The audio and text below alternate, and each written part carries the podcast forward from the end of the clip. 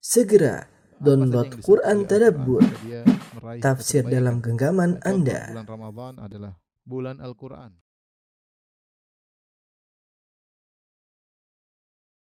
Bismillahirrahmanirrahim. Assalamualaikum warahmatullahi wabarakatuh.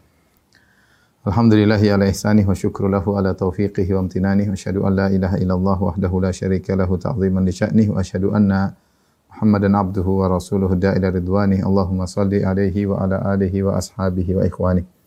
Ikhwan akhwat, eh, Bapak-bapak dan Ibu-ibu, para jamaah majelis taklim Qalbun Salim yang dirahmati oleh Allah Subhanahu wa taala.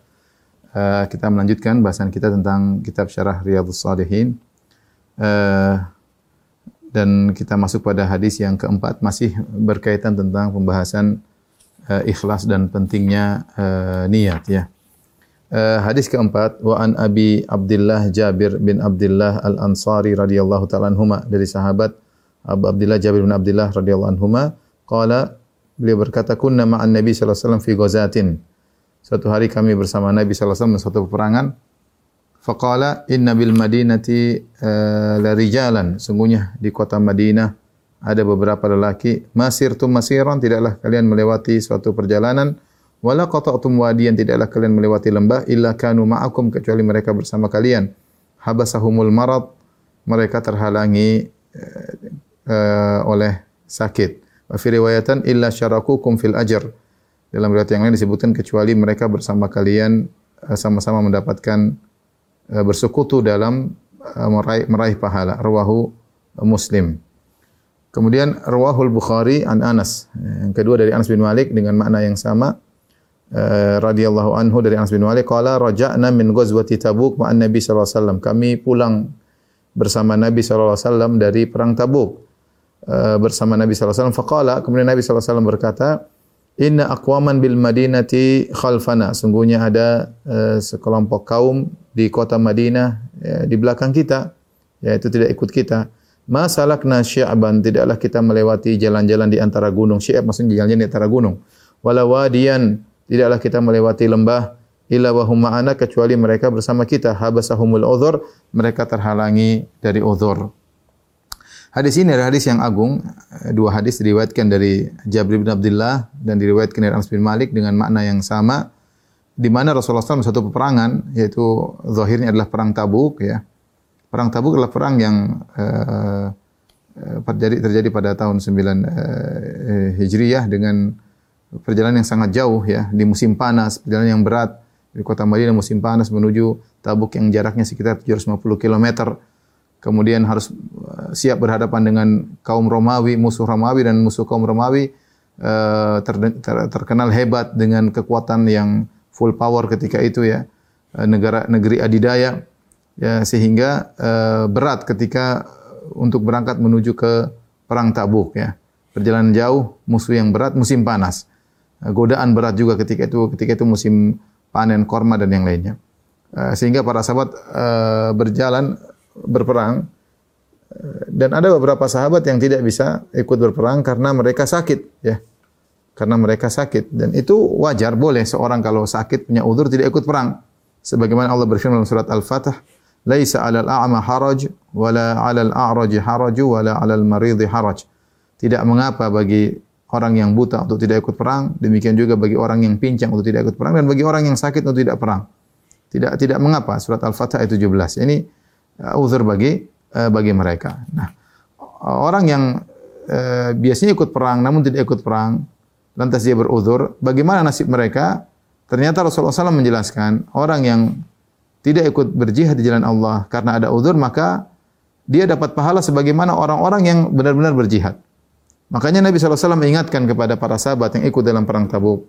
Ya, inna bil Madinah di jalan. Sungguh di kota Madinah ada kelompok orang. Masir tu masiran. Tidaklah kalian melewati suatu jalan. Apa saja yang kalian lewati? Langkah demi langkah. Ya, tapak demi tapak. Wala qata'tum wadiyan. Dan tidaklah kalian melewati lembah. Ya, lewat lembah, naik lagi, turun lembah. Illa kanu ma'akum. Seakan-akan mereka bersama kecuali mereka bersama kalian. Jadi seakan-akan mereka ikut serta dalam perjalanan yang jauh ini. Bayangkan ke Tabuk 750 kilo, pulang balik 750 kilo, berarti total 1000 500 kilo ya dengan uh, dengan uh, apa namanya uh, perjalanan yang berat. Ya, mereka seakan-akan bukan seakan-akan mereka bersama kalian habasahumul udhur atau habasahumul marad mereka terhalang karena penyakit. Dalam riwayat yang lain illa syarakukum fil ajar. Tidaklah kalian melewati satu jalan, tidaklah kalian melewati lembah kecuali mereka bersekutu dengan kalian sama-sama dapat pahala. Itu hukum mereka sama dengan kalian. Ini dikuatkan dengan hadis Anas ya. Anas berkata, kami pulang dari perang Tabuk bersama Nabi sallallahu alaihi wasallam dan Nabi berkata, sungguhnya di kota Madinah ada orang-orang di belakang kita. Masalakna syi'ban, tidaklah kita melewati jalan-jalan syi'ab itu jalan-jalan di antar gunung-gunung, wala wadian dan tidakkah tidaklah kita melewati lembah kecuali mereka bersama kita. Jadi seakan-akan mereka hadir. Habasahumul udhur namun mereka tidak bisa hadir karena mereka terhalangi oleh udhur. Kita tahu orang berjuang di jalan Allah Subhanahu wa taala ya mereka mendapatkan pahala dari semua apa yang mereka lakukan. Keletihan yang mereka rasakan, setiap langkah yang mereka lewati, pulang pergi semuanya berpahala. Dan ini Allah sudah singgung dalam surat At-Taubah ayat 20 121 kata Allah Subhanahu wa taala dzalika bi annahum la yusibuhum dhama'un wala wala nasabun wala makhmasatun fi sabilillah. Dan demikian itu tidaklah mereka yaitu para mujahidin eh, ditimpa dengan rasa haus atau mereka ditimpa dengan rasa letih atau mereka ditimpa dengan rasa lapar fi sabilillah di jalan Allah Subhanahu wa taala. Wala yata'una mauti an yaghidul kuffar. Dan tidaklah mereka menginjakkan kaki mereka pada suatu tempat yang buat orang kafir menjadi marah. Wala yanaluna min aduwin nailan. Dan tidaklah mereka uh, apa namanya uh, mengganggu atau men mencelakakan orang-orang kafir. Illa kutiba lahum bihi amalun salih. Dalam peperangan tentunya kecuali dicatat bagi mereka sebagai amal saleh itu apa yang mereka rasakan? Letih haus lapar capek ya uh, membuat jengkel orang kafir atau menyerang mereka semuanya adalah dicatat sebagai amal soleh. Inna Allah la yudhi'u ajral muhsinin. Allah tidak menyanyiakan pahala orang berbuat kebajikan. Kemudian wala yunfiquna nafaqatan saghiratan wala kabiratan. Dan tidaklah mereka berinfak untuk jihad fisabilillah kecil maupun besar. Ya. Ya wala yaqta'una wadiyan dan tidaklah mereka melewati lembah illa kutiba lahum kecuali dicatat sebagai amal soleh bagi mereka liyajziyahumullahu ahsana ma kanu ya'malun agar Allah memberi balasan kepada mereka terbaik yang mereka kerjakan. Jadi inilah orang yang berjihad, eh, semua yang mereka rasakan lapar, haus, ya, letih, uh, infak yang mereka keluarkan, uh, perjalanan yang mereka lewati lewat lembah, lewat jalan, semuanya bernilai pahala di sisi Allah Subhanahu wa taala dan Allah catat sebagai pahala yang terbaik. Rupanya orang-orang yang tidak ikut jihad karena ada uzur sama pahalanya, sama pahalanya dan ini menunjukkan bahwasanya uh, orang yang terbiasa melakukan suatu amal kemudian terhalangi karena ada uzur, maka uh, pahalanya tetap dicatat oleh Allah Subhanahu wa taala ya. Maka kita punya kaidah ikhwan ya. Dan ini kaidah dijelaskan oleh Syekh Utsaimin rahimahullahu taala. Kaidah uh, pahala bagi orang yang beruzur. Uh, Syekh menyimpulkan bahwasanya orang yang beruzur ada dua, dua model orang yang beruzur. dua model. Pertama, eh, dia eh, yang beruzur namun eh, namun berniat namun berniat untuk beramal.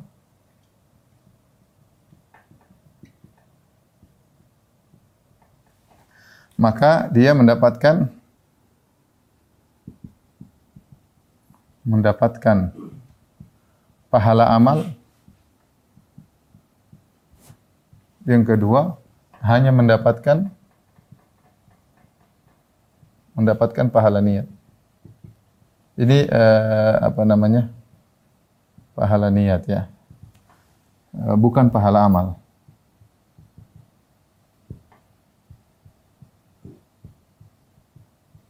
Tentunya yang pertama eh, lebih tinggi kedudukannya daripada yang yang kedua ya. Eh, dia mendapatkan pahala amal dengan syarat jika jika amal tersebut, amal yang yang tidak bisa dia kerjakan tersebut, dia tidak bisa kerjakan.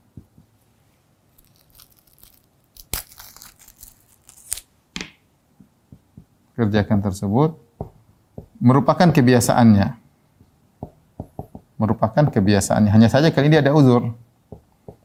Ya. Ya. Adapun kalau jika amal tersebut bukan kebiasaannya hanya mendapatkan pahala amal. Jika bukan merupakan kebiasaannya, jika amal tersebut bukan merupakan kebiasaannya.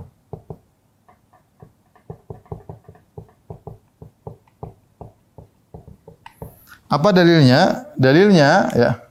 Dalil uh, hadis yang sedang kita bahas ya. Demikian juga eh, sabda Nabi sallallahu alaihi eh, apa namanya? "Idza maridhal abdu au safar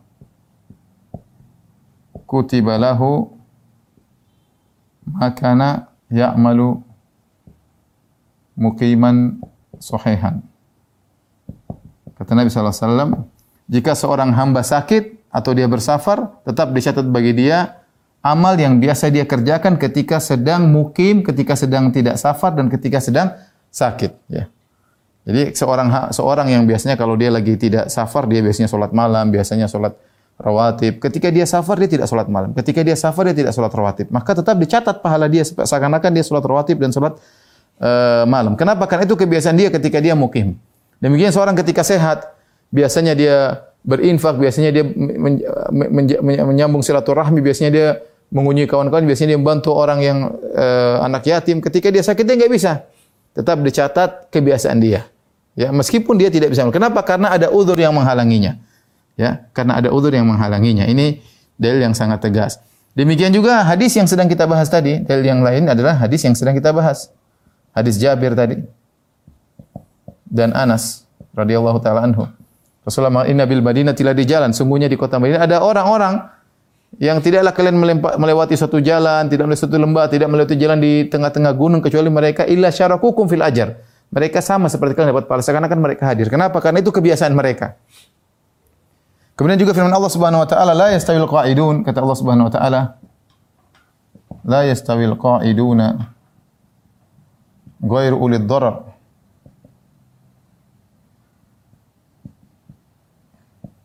ya Berular minal mu'minin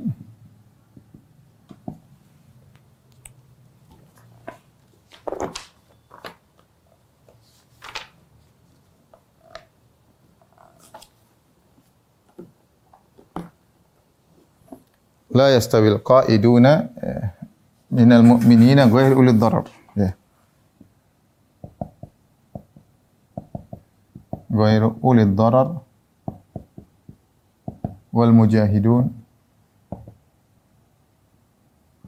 fi sabilillah bi amwalihim wa anfusihim faddala Allahu mujahidin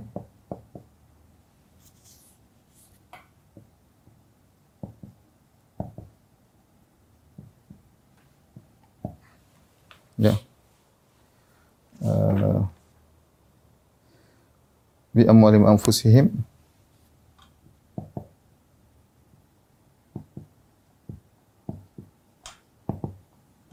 alal qaidina daraja. Dalam surat An-Nisa kata Allah Subhanahu wa taala, ya. La yastawil qaidun, tidaklah sama orang-orang yang duduk tidak ikut perang minal mukmin dari kalangan kaum mukminin, ghairu ulil darar yang tidak punya uh, uzur syar'i. Di sini Allah mengatakan ghairu ulil darar yang tidak punya uh, uzur syar'i wal mujahiduna fi sabilillah bi amwalihim Tidak sama antara orang yang tidak ikut perang dengan orang-orang yang berikut-ikut perang uh, yang di jalan Allah dengan harta dan jiwa mereka. Faddalallahu mujahidin Allah mendahulukan atau memuliakan orang berjihad dengan harta dan jiwa mereka alal qaini darajah. Di, di atas orang-orang yang tidak ikut perang satu derajat. Di sini Allah mengatakan kata yang kata Al Hafidz Ibnu Hajar Al Fathul Bari yaitu saya catat tadi uh, jilid 6 ayat halaman 47 uh, Ibnu Hajar mengatakan bahwasanya Allah membedakan antara orang yang tidak ikut perang dengan orang yang berperang. Tetapi orang yang tidak ikut perang tersebut Allah mengatakan ghairu ulil dharar yang tidak punya uzur syar'i. Seakan-akan kata Ibn Hajar rahimahullah, orang yang tidak ikut perang dan dia punya uzur syar'i, hukumnya sama dengan orang yang berjihad. Saya ulangi. Di sini dikecualikan yang tidak punya uzur syar'i. Kalau orang yang tidak ikut perang tidak punya uzur syar'i tidak sama dengan orang yang berperang. Tapi kalau dia punya uzur syar'i, maka hukumnya sama seperti orang berperang, pahalanya disamakan oleh Allah Subhanahu wa taala. Namun ini semuanya dengan syarat merupakan kebiasaannya. Ya. Namun jika tidak merupakan kebiasaannya, seperti seorang saya ingin punya ini, saya ingin punya anak, kalau saya punya uang saya ingin uh, bersedekah, kalau saya ingin saya, saya ingin berhaji, saya ingin umrah, tapi tidak merupakan kebiasaannya. Dia hanya berniat baik, maka Orang seperti ini dapat pahala namun pahalanya bukan pahala amal tapi pahala niat. Dalilnya dalilnya adalah hadis yang masyhur ya hadis dalam Arba'in Nawawi yang di mana para sahabat mengatakan orang miskin mengatakan zahaba ahlud dusuri ahlud dusuri bil ujuri. Ya. Yang para orang-orang miskin dari kalangan sahabat mengatakan ya Rasulullah ya Rasulullah orang-orang kaya membawa pahala yang banyak.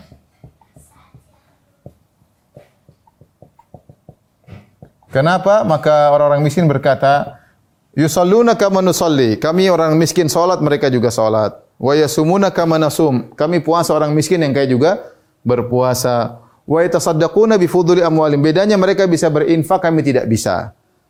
Maka Rasulullah SAW mengatakan kalau begitu, afala adullukum ya Maukah tunjukkan kepada kalian yang perkara yang kalian bisa bersedekah dengannya? Maka Rasulullah mengatakan, Inna likulli tasbihah sadaqah. Bertasbih sedekah, bertahlil sedekah, bertakbir sedekah.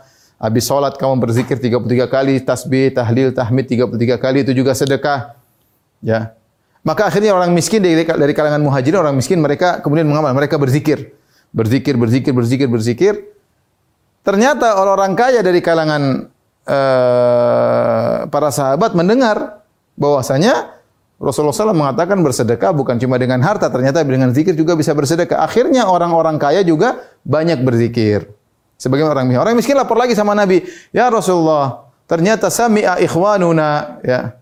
Al-aghniya, sungguhnya saudara-saudara kami yang kaya mereka mendengar tentang apa yang kau sampaikan sehingga kami berzikir mereka juga berzikir. Tetap saja mereka bersedekah, kami tidak bisa bersedekah.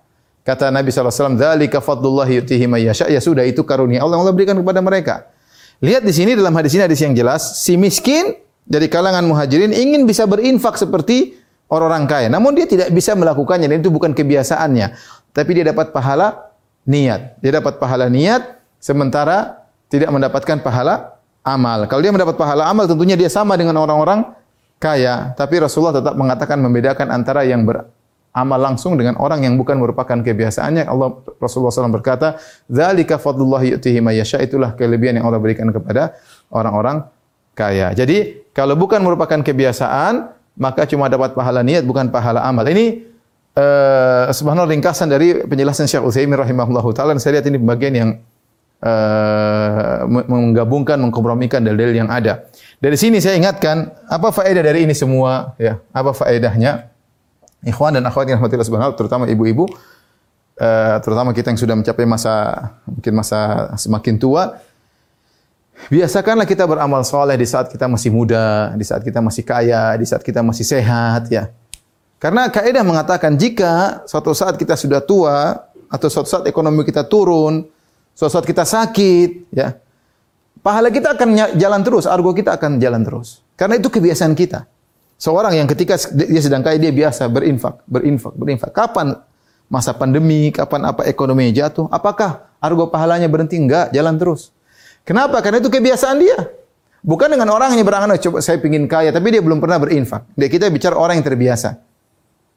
Kita mau masih sehat, sholat malam lah, puasa sunnah lah. Nanti suatu-suatu kalau kita tua nggak bisa lagi, nggak bisa puasa sunnah, nggak bisa lagi sholat malam karena capek, nggak bisa lagi sholat berdiri harus hanya duduk di kursi tetap pahala kita seperti kita sholat seperti biasanya. Kenapa? Itu kebiasaan kita. Itu kebiasaan kebiasaan kita ya. Oleh karenanya biasakanlah kita dengan amal-amal soleh mumpung kita masih memiliki kemampuan. Nanti kapan datang suatu masa di mana kita tidak bisa lagi uh, bersedekah karena kekurangan ekonomi, tidak bisa lagi uh, apa namanya haji dan umroh karena kita sudah sakit-sakitan, tidak bisa lagi kita bersedekah karena ekonomi yang jatuh, tidak bisa lagi sholat malam karena sakit-sakitan, maka pahala kita tetap berjalan sebagaimana biasanya. Argo pahala tetap berjalan karena yang menjadi patokan bagi Allah adalah kebiasaan dia sebelum ada uzur. Ini adalah karunia dari Allah, fadlullahi wasi, karunia Allah sangat luas. Jangan sia-siakan kesempatan ini. Biasakan diri kita, kalau ada uzur, pahala tetap uh, berjalan ya. Taib, uh, kita uh, lanjutkan.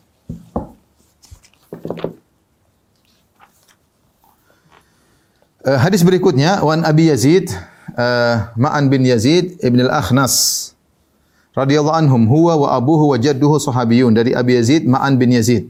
Ada seorang sahabat namanya Ma'an dan dia kunyahnya Abu Yazid. Ternyata bapaknya juga namanya Yazid. Ya. Dia namanya Ma'an, kunyahnya Abu Yazid, bapaknya namanya Yazid, Ibn al-Akhnas, kakeknya namanya Al-Akhnas. Tiga-tiganya sahabat. Ma'an bin Yazid bin Akhnas. Tiga-tiganya kata Imam Nawawi, dia, bapaknya dan kakeknya semuanya sahabat. Dia bercerita, Ma'an, "Kana abi Yazid akhraja dananir yatasaddaqu biha." Ayahku namanya Yazid suatu hari uh, berinfak beberapa dinar dia sedekahkan. Fawadha'aha inda rajulin fil masjid. Kemudian dia menitipkan uang tersebut kepada seorang di masjid. Faji'tu akhadh fa akhadhtuha. Maka aku pun datang dan aku uh, mengambil uang tersebut, dinar-dinar tersebut. Ingat ya satu dinar kalau kita konversikan sekarang satu dinar itu empat seperempat gram emas. Jadi dia bersedekah berdinar-dinar. Bergram-gram, mungkin puluhan gram emas dia taruh di orang di masjid, tolong kasihkan bagi orang yang enggak uh, mampu. Ternyata anaknya sendiri, jadi bapaknya yang taruh uang, titip, titip uang di orang di masjid, anaknya datang lalu ambil. Fa'ataituhu biha Lantas aku pun bawa emas tersebut kepada bapakku. Aku ambil emasmu, hai ayahanda. Bapaknya berkata, Wallahi ma iyyaka aratu, wahai putraku, Aku tidak bermaksud memberikan emas ini kepada engkau. Ya, bapaknya tidak terima. Jangan kau ambil emas tersebut. Saya maksudnya mau kasih orang lain. Ya kenapa kau ambil? Fa khasamtuhu ila Rasulullah SAW. Maka aku adukan perkataan ayahku kepada Nabi SAW. Anaknya juga tetap bersikeras untuk mengambil uang tersebut. Maka dia pun mengadukan perkara ini, diangkatlah perkara ini kepada Rasulullah SAW. Apa jawaban Nabi SAW setelah mendengar cerita tersebut? Kata Nabi SAW, Laka ma nawaita ya Yazid. Ya, engkau mendapatkan apa yang kau uh, niatkan wahai Yazid, yaitu kau berniat untuk memberikan harta ini kepada orang miskin, kau dapatkan meskipun ternyata yang mengambil anakmu, ya. Walaka ma akhadha. Adapun engkau wahai ma'an, kau mendapatkan uh, apa yang kau ambil, bagimu apa yang kau kau uh, ambil ya. Kita lanjutkan. Bapak dan Ibu subhanahu wa taala. Jadi inilah kisahnya. Kisahnya begini. Ada seorang uh, sahabat namanya Yazid. Yazid ini ingin berinfak beberapa keping dinar. Dia taruh titip orang di masjid. Niat dia untuk diberikan kepada fakir miskin. Ternyata anaknya yang bernama Ma'an datang ambil itu dinar-dinar dari orang yang ditipin tersebut. Setelah itu dia lapor sama bapaknya. Dia bilang, ayah, uang yang dinar yang kau letakkan pada si fulan saya ambilin. Bapaknya tidak terima. Dia mengatakan, uh, iyyaka ma aradtu ma iyyaka aradtu demi Allah bukan engkau yang mau saya kasih kembalikan dinar-dinarku ya saya tidak mau niatnya kasih kamu maka anaknya bilang tunggu kita tanya dulu kepada Nabi sallallahu alaihi wasallam akhirnya mereka berdua datang kepada Rasulullah sallallahu alaihi wasallam menanyakan akan hal ini maka Nabi sallallahu alaihi wasallam menjawab dengan jawaban yang indah kata Rasulullah sallallahu alaihi wasallam laka manawaita ya Yazid Yazid bagimu niatmu yang kau inginkan kau inginkan untuk memberikan kepada fakir miskin, niatmu sudah tercapai meskipun ternyata eksekusinya tidak kena orang miskin. Walaka ma akhadta ya ma'an, meskipun kau tidak bermaksud untuk berikan kepada anakmu. Walaka ma akhadta ya ma'an, adapun engkau ma'an, engkau mengambil, itu adalah milikmu karena memang kau berhak untuk menerima eh, sedekah tersebut ya. Karena mungkin ma'an merasa diri orang miskin padahal bapaknya tidak bermaksud untuk berikan kepada anaknya. Hadis ini ikhwan yang yang rahmatillah subhanahu wa taala intinya ingin menjelaskan tentang uh, uh, pentingnya niat ya. Jika seorang berniat baik, intinya hadis ini maksudnya apa? Jika seorang berniat baik ternyata salah ya, salah dalam uh, prakteknya, maka yang menjadi patokan adalah niatnya. Yang menjadi patokan adalah niatnya. Oleh karenanya, para ulama berselisih tentang seorang dia ingin bayar zakat dan niat dia adalah untuk memberikan kepada fakir miskin. Dia pergi kepada seorang, dia kasih zakat tersebut, zakat mal. Dia sangka itu orang miskin, ternyata itu orang tidak miskin. Orang tersebut ternyata berpenampilan miskin, ternyata tidak miskin. Dia kasih orang tersebut. Nah, apakah zakatnya sudah sah? Karena niatnya memberikan kepada fakir miskin. Ternyata orang yang dikasih tidak miskin. Apakah zakatnya sudah sah? Ataukah dia harus membayar zakat yang lain? Karena zakatnya salah. Salah bayar. Salah uh, penempatan. Maka ada khilaf di kalangan para ulama. Sebenarnya mengatakan bahwasanya dia harus mengulangi zakatnya karena zakatnya dia serahkan tidak pada tempatnya, bukan pada orang miskin, pada orang kaya. Pendapat yang lebih benar wallahu alam bisawab bahwasanya zakatnya sah. Kenapa? Karena niat dia dia sudah berniat untuk memberikan kepada eh, orang miskin dan dia sudah berusaha ternyata dia kecele atau dia tertipu ya. Oleh karenanya yang benar bahwasanya zakatnya sudah sah. Seorang ketika bayar zakat dia berusaha berhati-hati. Tidak sembarang kasih orang dia cek orang ini miskin atau tidak. Tapi kalau dia sudah berusaha, dia sudah memverifikasi, sudah cek mungkin ke lurah, ke RT, kemudian dia kasihkan, ternyata kenyataannya orang ini bukan orang miskin. Ternyata orang ini ber- berkecukupan dia, tidak mungkin dia ngambil lagi hartanya. Tapi intinya dia tetap zakatnya sah. Kenapa? Karena dia sudah berusaha dan amalan eh, niatnya yang yang yang yang menjadi penentu. Sebagaimana dalilnya adalah ini, Yazid eh, ketika Yazid bin Al-Akhnas ketika meletakkan dinar-dinar di seseorang dia tidak niatkan untuk anaknya. Tetapi ternyata eh, diambil oleh anaknya. Intinya dia ingin memberikan kepada orang yang eh, membutuhkan tapi bukan anaknya.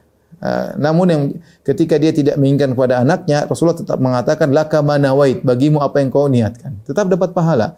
Ya. Adapun ma'an berhak juga mengambil eh, dinar-dinar tersebut karena dia merasa dirinya berhak untuk mengambil eh, bantuan tersebut. Jadi saya katakan tadi eh, yang benar bahwasanya orang kalau sudah eh, bertekad untuk bayar zakat diberikan kepada fakir miskin ternyata salah, ya ternyata salah maka dia tetap dapat eh, pahala sesuai dengan eh, niatnya. Dan ini adalah eh, keutamaan Allah yang luas. Misalnya seorang meletakkan kasih uang sama orang untuk disumbangkan ke suatu daerah, ternyata di tengah jalan uang tersebut dirampok.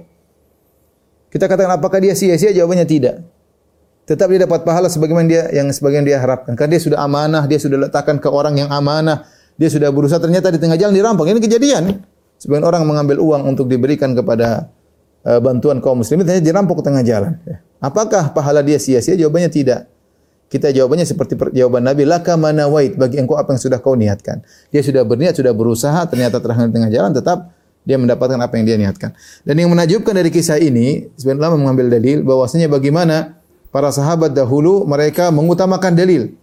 Tidak eh, pekewuh, tidak eh, merasa enggak enak sama anak atau ayahnya. Ma'an mengatakan kita tanya kepada Nabi SAW. Menurut dia dia benar, ya. Menurut dia dia benar, dia ngambil dia berhak mendapatkan hal tersebut dan dia tidak durhaka kepada ayahnya ya. Dia merasa dia benar, dia tidak salah, dia berhak untuk mengambil dinar-dinar tersebut. Bapaknya juga merasa benar. Bapaknya tidak merasa ah kamu anakku sudah ambil aja enggak. Dia merasa bahwasanya dia harus ber, eh, dia harus bersedekah pada tempatnya dan dia merasa anaknya tidak pantas untuk menerima apa yang dia berikan.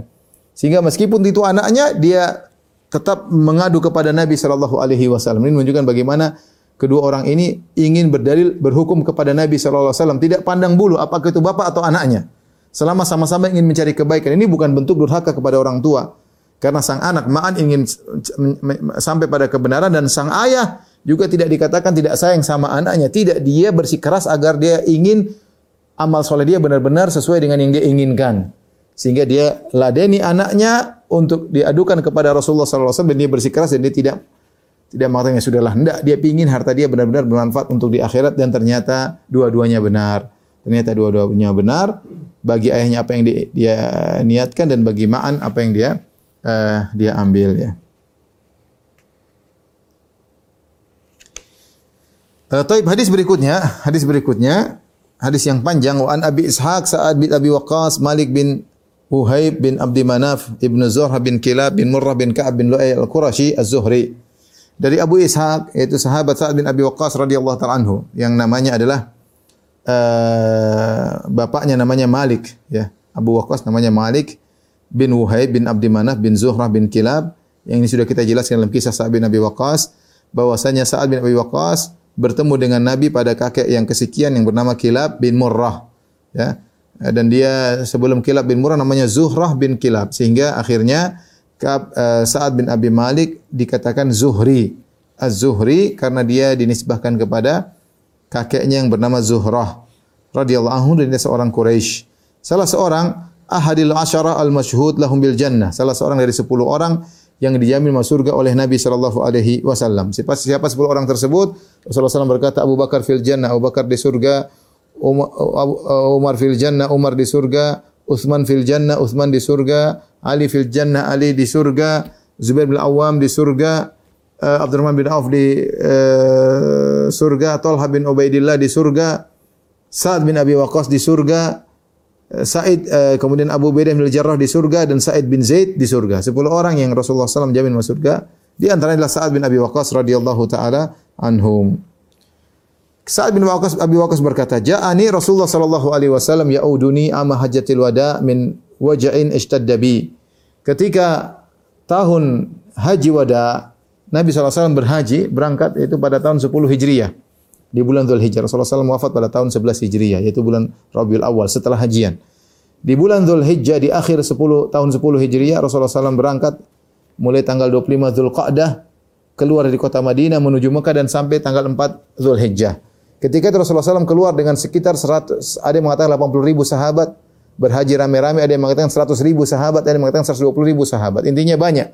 Rasulullah beri pengumuman semua orang pada berangkat ingin berhaji bersama Rasulullah wasallam. Di antara yang berhaji bersama Nabi adalah kaum muhajirin. Di antara kaum muhajirin adalah Sa'ad bin Abi Waqqas radhiyallahu taala. Kemudian mereka melaksanakan haji, setelah itu haji selesai. Ketika haji selesai waktunya pulang ke kota Madinah, ternyata Sa'ad bin Abi Waqqas sakit. Sakit. Sementara dia ingin meninggal di kota Madinah. Dia telah berhijrah meninggalkan Mekah menuju Madinah sehingga dia diberi status muhajirin. Salah seorang muhajirin. Kenapa dikatakan muhajirin? Karena dia meninggalkan Mekah menuju Madinah. Nah, dia tidak ingin dikatakan telah berhijrah, tapi ternyata meninggal di kota Mekah itu sendiri. Padahal dia diberi gelar muhajiri karena dia meninggalkan Mekah menuju Madinah. Sekarang habis haji wada, dia sakit dan dia tertahan di kota Mekah. Dan dia khawatir dia akan meninggal dunia. Maka kata dia yauduni Rasulullah SAW men, menjengukku ketika aku sakit ini sunnah menjenguk orang yang sakit. Min wajin istaddabi karena sakit yang parah yang aku rasakan dan dia merasa akan meninggal dunia. Fakultu ya Rasulullah, inni qad balagha bi minal waj'i ma tara. Ya Rasulullah, lihatlah sakitku parah sebagaimana engkau lihat. Sakitku parah ya Rasulullah sebagaimana engkau lihat. Wa ana dzu malin dan aku memiliki harta yang banyak. Wa la yarithuni illa binatun li dan tidak ada ahli warisku kecuali seorang putri saja. Afa atasaddaqu bi thulutsai mali? Bolehkah aku bersedekah dengan dua per tiga hartaku? Qala la. Kata Nabi SAW, jangan. Kultu fasyatru. Bolehkah aku bersedekah ya Rasulullah dengan setengah hartaku? Qala la. Kata Nabi SAW, tidak. Tidak boleh kalau setengah. Qultu aku berkata, "Fathuluthu ya Rasulullah, bolehkah aku bersedekah?" Aku tu menginfakkan hartaku, sedekahkan sepertiga hartaku. Qala ats-tsulutsu wal tsulutsu katsir. Kata Nabi SAW, sepertiga boleh dan sepertiga itu banyak. Au kabir. Kemudian Rasulullah SAW menjelaskan kenapa tidak perlu banyak-banyak untuk bersedekah ketika akan meninggal dunia. Ini wasiat namanya. Innaka in antadhara warasataka agniya khairan min antadharahum alatan yatakaffafuna an-nas. Kenapa wahai Sa'ad bin Abi Waqqas? Karena kalau engkau meninggal dan engkau meninggalkan dalam kondisi meninggalkan ahli warismu dalam kondisi berkecukupan, itu lebih baik daripada engkau meninggalkan mereka dalam kondisi miskin, minta-minta kepada manusia. Wa innaka lan tunfiqu nafaqatan tabtaghi bi wajh Allah illa ujirta alaihi. Dan tidaklah kau menginfakkan satu infak apa pun yang kau berharap wajah Allah kecuali kau dapat pahala. Hatta mata ja'alu fi fimratik. Sampai suapan yang kau suapkan ke mulut istrimu. Qala Sa'ad bin Waqqas berkata, "Fakultu ya Rasulullah, ukhallafu ba'da ashabi ya Rasulullah, aku ketinggalan di Mekah sementara sahabat-sahabatku balik ke kota Madinah. Aku ini sudah berhijrah tinggal di kota Mekah." Kata Rasulullah SAW, "Innaka lan tukhallafa lan tukhallafa fa ta'mal amalan tabtaghi bi wajhi Allah illa zadatta bihi darajatan wa rif'ah." Wahai Sa'ad bin Abi Waqqas, meskipun kau tertinggal di kota Mekah, dan tidak bisa pulang kota Madinah. Seandainya selama kau, kau masih hidup dan kau beramal soleh, kau mencari wajah Allah, kecuali engkau akan bertambah derajatmu di sisi Allah dan ketinggianmu di sisi Allah Subhanahu wa taala. Kemudian Nabi berkata, "Wala allaka an tukhallafa." Bisa jadi umurmu panjang, hatta yantafi abika aqwamun, sampai ada sekelompok orang berman, mengambil manfaat darimu, wa yudharru bika akharun dan sekelompok orang mendapat mudarat karena engkau. Allahumma amdi li ashabi hijratahum. Ya Allah, uh, teruskanlah hijrah para sahabatku. Wala taruddahum ala aqabim. Jangan mundurkan mereka kembali. Lakin al ba'isu Sa'ad bin Khawlah. Tapi yang menyedihkanlah Sa'ad bin Khawlah dia meninggal di kota Mekah.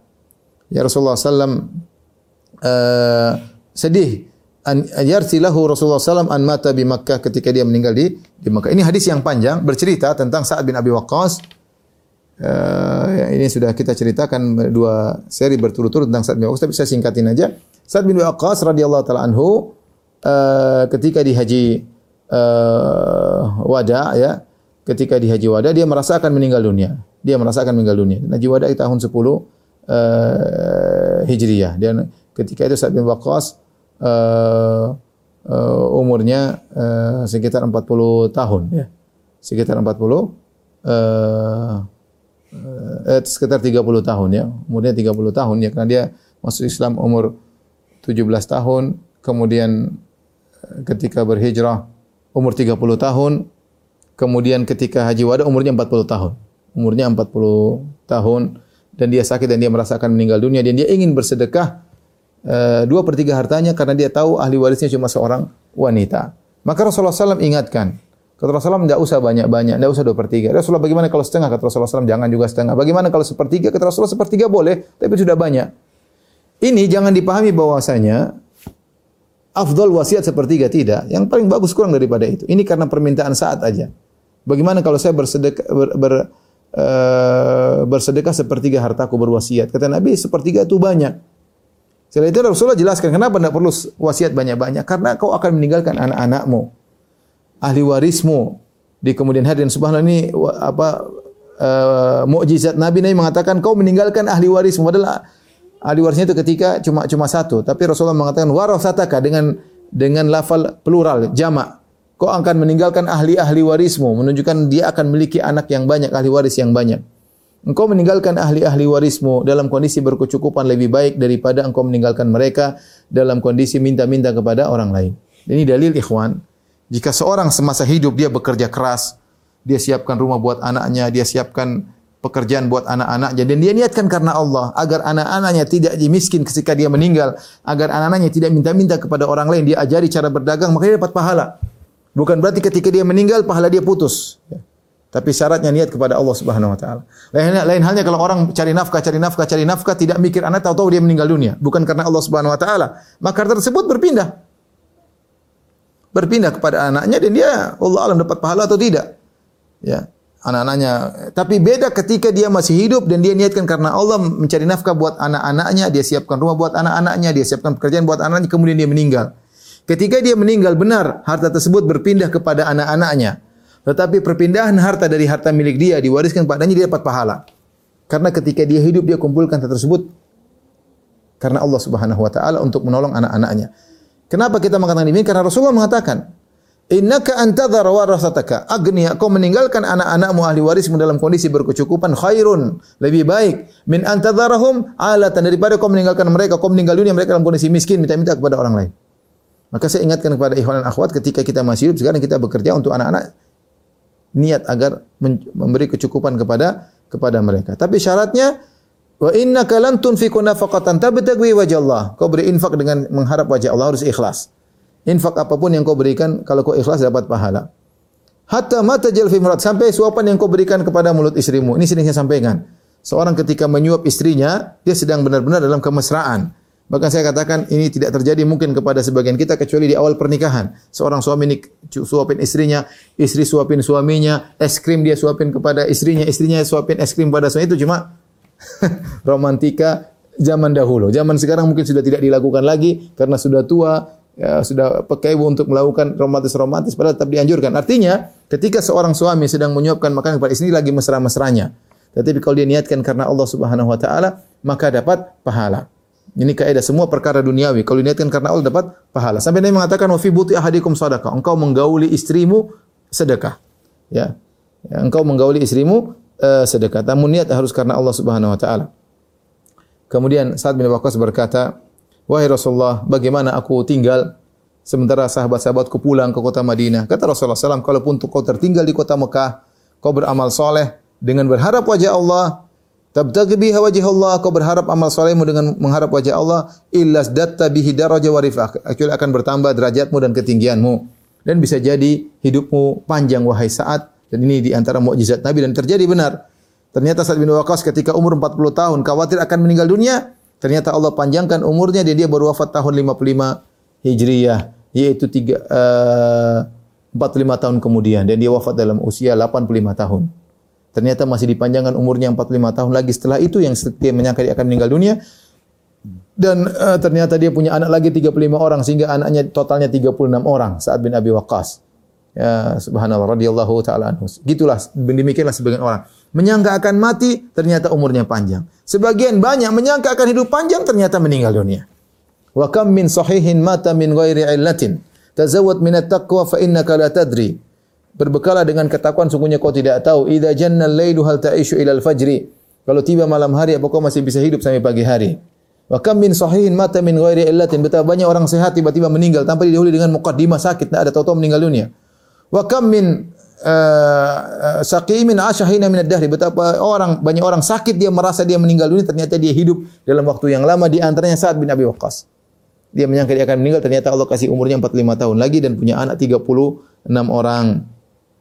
Kemudian kata Nabi SAW, kau akan diperpanjang umurmu, eh, bisa jadi umurmu panjang, maka banyak orang mengambil manfaat darimu, yaitu dalam perang Al-Qadisiyah, saat Abi Waqqas menaklukkan Persia, dan sebagian orang mendapatkan kemudaratan denganmu, itu orang Persia yang mendapat kemudaratan karena peperangan Al-Qadisiyah yang dipimpin oleh Sa'ad bin Abi Waqqas.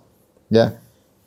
Inilah uh, uh, pembahasan tentang hadis ini. Intinya, ikhwan dan akhwat yang dirahmati Allah Subhanahu wa taala, ada kaidah yang penting dalam hadis ini bahwasanya perkara-perkara duniawi bisa berubah menjadi perkara agama jika diniatkan karena Allah Subhanahu wa taala. Dalam hadis yang lain kata Rasulullah SAW, "Idza anfaqa ala ahlihi wa huwa yahtasibuha." Jika seorang berinfak kepada istrinya dan dia dalam kondisi ihtisab yaitu berharap wajah Allah, maka dia akan dapat pahala. Dan ini nasihat bagi Eh, kawan-kawan uh, yang memiliki pekerjaan ya agar ketika mereka keluar rumah niatkan karena Allah Subhanahu wa taala. Mudah. Kita sekarang keluar kerja ke kantor, apakah jadi dokter, apakah jadi pedagang atau jadi PNS ya atau jadi tenaga kesehatan atau jadi tukang atau jadi apa pun konsultan ketika kita keluar niatkan karena Allah. Bagaimana kita niatkan bagaimana? Ya Allah saya cari nafkah untuk anak-anakku. Karena perintahmu. Ya Allah saya cari nafkah sebagiannya akan saya sedekahkan di jalan jalanmu akan saya infakkan bagi anak yatim, akan saya infakkan untuk dakwah. Ya Allah, saya mencari nafkah ya agar saya menyenangkan kedua orang tuaku, saya ingin beri hadiah buat mereka. Jadi sambung karena engkau yang merintahkan itu semua. Kau yang merintahkan silaturahmi. Ya Allah, saya cari nafkah agar saya bisa berikan kepada kakak dan adikku. Selama kita punya niat seperti itu, argo pahala jalan terus. Karena kita mencari wajah Allah Subhanahu wa taala. Dengan kita selalu berniat begitu, dunia tidak masuk dalam hati kita. Lain halnya ketika niat ini hilang dari hati kita, benar-benar orientasi kita dunia. Beda tatkala kita niatkan saya untuk orang tua, untuk kakak, untuk adik, untuk tetangga, untuk uh, dakwah, untuk uh, macam-macam. Untuk fakir miskin, ya. Untuk haji, untuk umrah. Pahala harta tersebut sehingga niat selalu orientasinya akhirat. Dan ketika itu pahala terus mengalir. Ya. Pahala terus terus mengalir. Jadi apa namanya hadirkan niat tersebut karena niat yang baik bisa merubah Eh, perkara duniawi menjadi perkara ukhrawi ini sangat penting dalam kehidupan kita sehari-hari ya. Ya, dalam kehidupan kita sehari-hari. Tidak mengapa Anda memiliki harta yang banyak, yang penting niatnya karena Allah Subhanahu wa taala. Di sini sampaikan misalnya seorang punya rumah luas dan di antara kebahagiaan adalah baitun wasi arbaun arbaun minas. Kata Nabi, empat perkara di antara kebahagiaan yang merupakan sumber kebahagiaan. Di antaranya baitun wasi, markabun hani. Di antaranya uh, rumah yang luas, kendaraan yang nyaman. Seorang berniat dia punya harta dia bikin rumah yang luas. Buat apa? Tempat silaturahmi. Ada rapat orang datang rapat di rumahnya. Ada tamu bisa dia terima tamu tersebut. Ya. Uh, ada silaturahmi kerabat-kerabatnya kumpul. Mungkin dia punya kolam renang orang bisa anak ponakan-ponakannya bisa berenang di situ. Niatkan karena Allah. Sehingga rumah besar tersebut bukan masuk di hatinya sebagai dunia murni, orientasi bukan itu, tapi orientasi karena akhirat. Tinggal tinggal dia tinggal dia atur hatinya. Tinggal dia atur hatinya sehingga dunia tidak merasuk dalam uh, hatinya, ya tidak merasuk dalam hatinya. Ya. Jadi niatkan perkara dunia untuk akhirat maka menjadi berkah dan berpahala di sisi Allah Subhanahu uh, wa taala.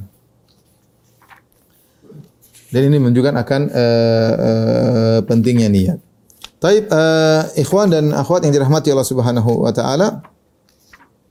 Kita lanjutkan uh, hadis yang terakhir pada kesempatan kali ini ya. Yaitu hadis Abu Hurairah radhiyallahu anhu. An Abi Hurairah radhiyallahu radhiyallahu taala anhu Abdurrahman bin Sakhar, Abdurrahman Abu Hurairah namanya Abdurrahman bin Sakhar. Qala dia berkata, "Qala Rasulullah sallallahu alaihi wasallam bersabda, "Inna Allah la yanzuru ila ajsamikum." Sungguhnya Allah tidak melihat kepada jasad kalian. Wala ila suwarikum dan Allah tidak melihat pada bentuk-bentuk kalian walakin yanzur ila qulubikum akan tapi Allah melihat kepada hati kalian rawahu muslim tolong dihapus ya hadis ini uh, ikhwan dan akhwat yang rahmati Allah Subhanahu wa taala menekankan tentang yang menjadi barometer di sisi Allah Subhanahu wa taala paling utama adalah hati dan amalan ya, bukan uh, bentuk rupa dan yang lainnya ya. Makanya Allah telah kita sampaikan dalam di awal pengajian dari salihin uh, firman Allah yang disampaikan oleh Imam Nawawi rahimahullah taala la yanalallahu luhumuha wala dima'u walakin yanaluhu taqwa minkum. Tidak akan sampai kepada Allah daging yang kalian sembelih, darah yang kalian alirkan dari sembelihan tetapi yang sampai adalah uh, hati kalian ya. Allah Subhanahu wa taala berfirman, Yauma la yanfa'u malun wala banun illa man atallaha biqalbin salim. Hari hari kiamat kelak tidak bermanfaat harta dan anak-anak kecuali orang yang datang dengan bawa hati yang bersih. Perhatikan di sini hadis uh, Abu Hurairah Rasulullah SAW bersabda, Inna Allah la yanzur. Allah tidak melihat, tidak memandang. Kepada apa tidak memandang? La yanzur ila ajsamikum. Jasad kalian. Tubuh kalian. Ya, yaitu besar, kecil, tinggi, pendek. Allah tidak lihat hal ini. Ya. Wala ila suwarikum. Suwarikum. Rupa kalian. Rupa kalian. Ya. Apakah hitam putih ganteng? Kurang ganteng kurang cantik. Kurang cantik. Allah tidak lihat pada rupa kalian. Ajisam wala suwarikum ya. Kita boleh tambahkan seperti penjelasan Syekh Utsaimin rahimahullahu taala ya tidak melihat pada jasad tidak melihat pada bentuk kalian. Wala amwalikum. Harta kalian. Allah tidak lihat. Ya kaya atau miskin. Ya kaya atau uh, miskin ya. Kemudian juga Allah tidak melihat kepada nasab kalian kata Syekh Utsaimin. Nasab kalian. Ansabikum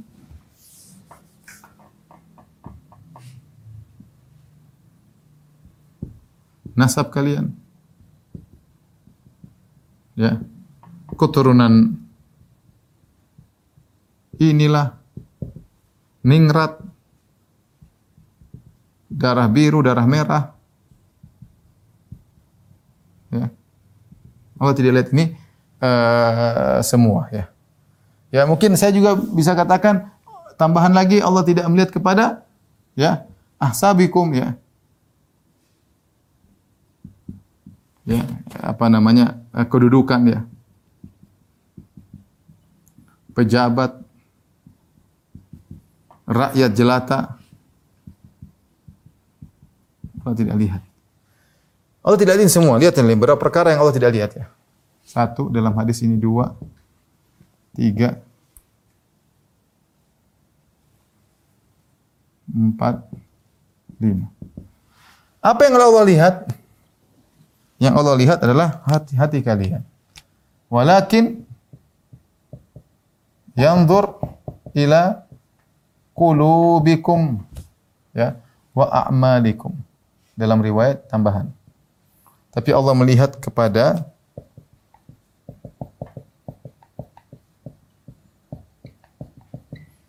kepada dua perkara yaitu kulubikum qulubikum, hati kalian. Kemudian apa? A'malikum. Amal amal soleh kalian, amal amal kalian. Ini merupakan barometer utama tatkala menilai seseorang. Ya, dan ini ditujukan oleh banyak dalil. Allah Subhanahu wa taala berfirman, "Ya ayuhan nasu inna khalaqnakum min dzakarin wa untha wa ja'alnakum syu'uban wa qabaila lita'arafu." Inna akramakum indallahi atqakum. Wahai manusia sekalian, aku ciptakan kalian dari suku-suku dan berbangsa-bangsa, laki-laki dan perempuan, suku-suku berbangsa-bangsa, agar kalian saling mengenal. Bukan untuk kalian bangga-banggaan, saya suku ini, saya warna kulit begini, saya bangsa ini, saya keturunan bule, saya bule potan, ya, ya enggak ada urusan. Walakin yang uh, inna akramakum indallahi atqakum. Yang paling mulia di sisi Allah, yang paling bertakwa di antara kalian. Yang paling bertakwa itu menjadi paling mulia di sisi Allah Subhanahu wa taala. Ya. Ini semua ya bahwasanya jasad, uh, bentuk, Ya. Ini tidak bukan bahan penilaian Allah. Yang Allah nilai adalah hati dan amalan. Ini yang bisa mendatangkan ketakwaan. Inilah merupakan ketakwaan. Maka jangan seorang terpedaya dengan rupa, terpedaya dengan penampilan. Ini yang sering menjadikan ini yang jadi pusat perhatian manusia, penampilan zahir. Ya, pusat perhatian manusia. Terutama ibu-ibu. Penampilan zahir. Ini yang apa? Menjadi masalah ya. Perhatian sama jasad ya harus ya. seksi lah apalah uh, bentuk uh, make up segala macam lah harta oh dengan tas keren tas mewah jam mahal mobil keren nasab oh saya keturunan ini ini ya saya pejabat macam sudah ini semua manusia sering perhatikan dan inilah barometer manusia ini pusat perhatian manusia perhatikan dan inilah barometer inilah barometer penilaian manusia Kita bicara secara jujur saja. Kita kalau lihat orang kaya kita hormat, jelas. Manusiawi, lihat pejabat kita hormat. Lihat ningrat, keturunan nasab kita hormat. Lihat orang oh, mewah kaya kita hormat. Lihat orang tampan kita hormat, lihat orang jelek kita menghina. Lihat orang cantik kita masya Allah, lihat orang kurang cantik kita mandang miring.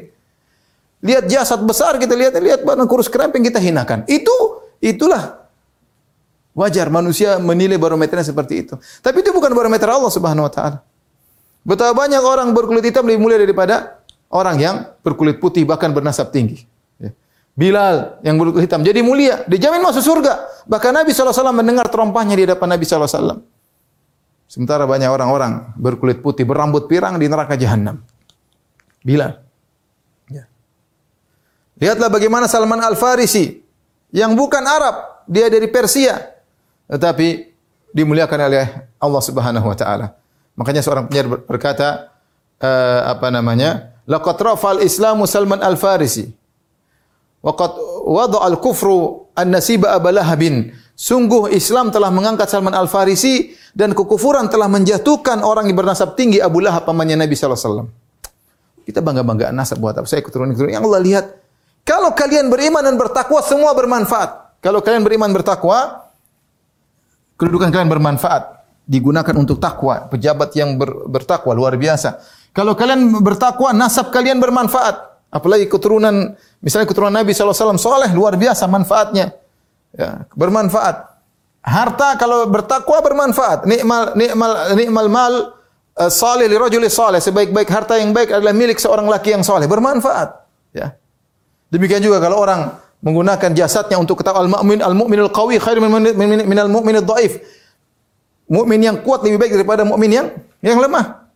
Sama, dia punya rupa yang uh, menawan kalau dia gunakan untuk misalnya seorang wanita untuk menundukkan pandangan suaminya, menyenangkan hati suaminya, pahalanya besar. Seorang laki mungkin tampan kemudian dia gunakan untuk jalan-jalan kebaikan ya, untuk berdakwah misalnya atau yang lainnya, boleh-boleh saja. Ya. Jadi saya katakan kalau seorang sering ketakwaan, maka ini semua bermanfaat. Ya ikhwan, terutama ibu-ibu ya.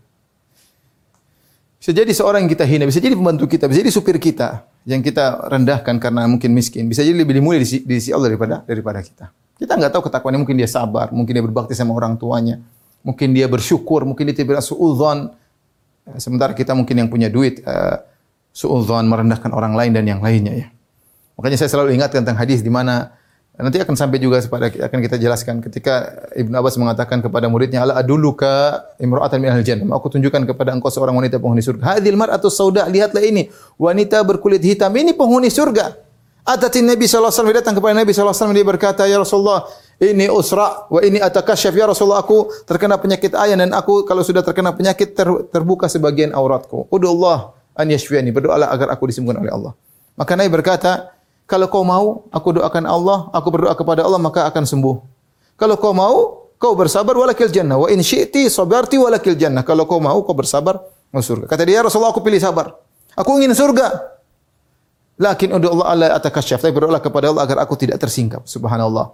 Ini perempuan mungkin yang berkulit hitam. Yang mungkin orang dia tidak tertarik oleh sebagian orang. Tapi ternyata dia penghuni surga. Maka Hati-hati. Yang paling diperhatikan adalah hati, niat. Niat Anda ini hati ketika Allah Rasulullah mengatakan walakin walakin yanzuru ila qulubikum akan tapi Allah melihat kepada hati kalian. Maka ini sangat penting tentang niat. Penting perhatian terhadap niat. Baru amal. Amal juga kalau tanpa niat percuma. Jadi didahulukan masalah hati karena hati ini adalah barometer utama. Mulai saat ini kita sama latihan. Saya mau ke situ ngapain? Nanya hati saya. Saya mau ceramah ini ngapain? Nanya hati saya. Saya mau pergi ke pengajian saya. Saya pergi ke orang tua ngapain? Tanya hati saya karena Allah kah atau karena yang lainnya? Ingat seorang salaf ketika ditanya, "Ala tah ala tahdurul janazah? Tidakkah kau menghadiri melayat janazah?" kata dia, "Ya, "Makanakum sebentar." Hatta uhdiron niat sampai aku hadirkan niat. Ini yang paling penting karena ini jadi bahan penilaian Allah Subhanahu wa taala. Jangan terpedaya dengan dunia yang kita yang kita yang kita kita miliki ya. Karena itu bukan bahan penilaian Allah Subhanahu wa taala. Demikian para ikhwan dan akhwat yang rahmatillah subhanahu wa taala majelis taklim qalbun salim rahmatillah subhanahu kajian kita insyaallah kita lanjutkan dua pekan lagi tetap bersama kita Riyadhus Salihin. Kurang lebih saya maaf. Wabillahi taufiq wal hidayah. Assalamualaikum warahmatullahi wabarakatuh.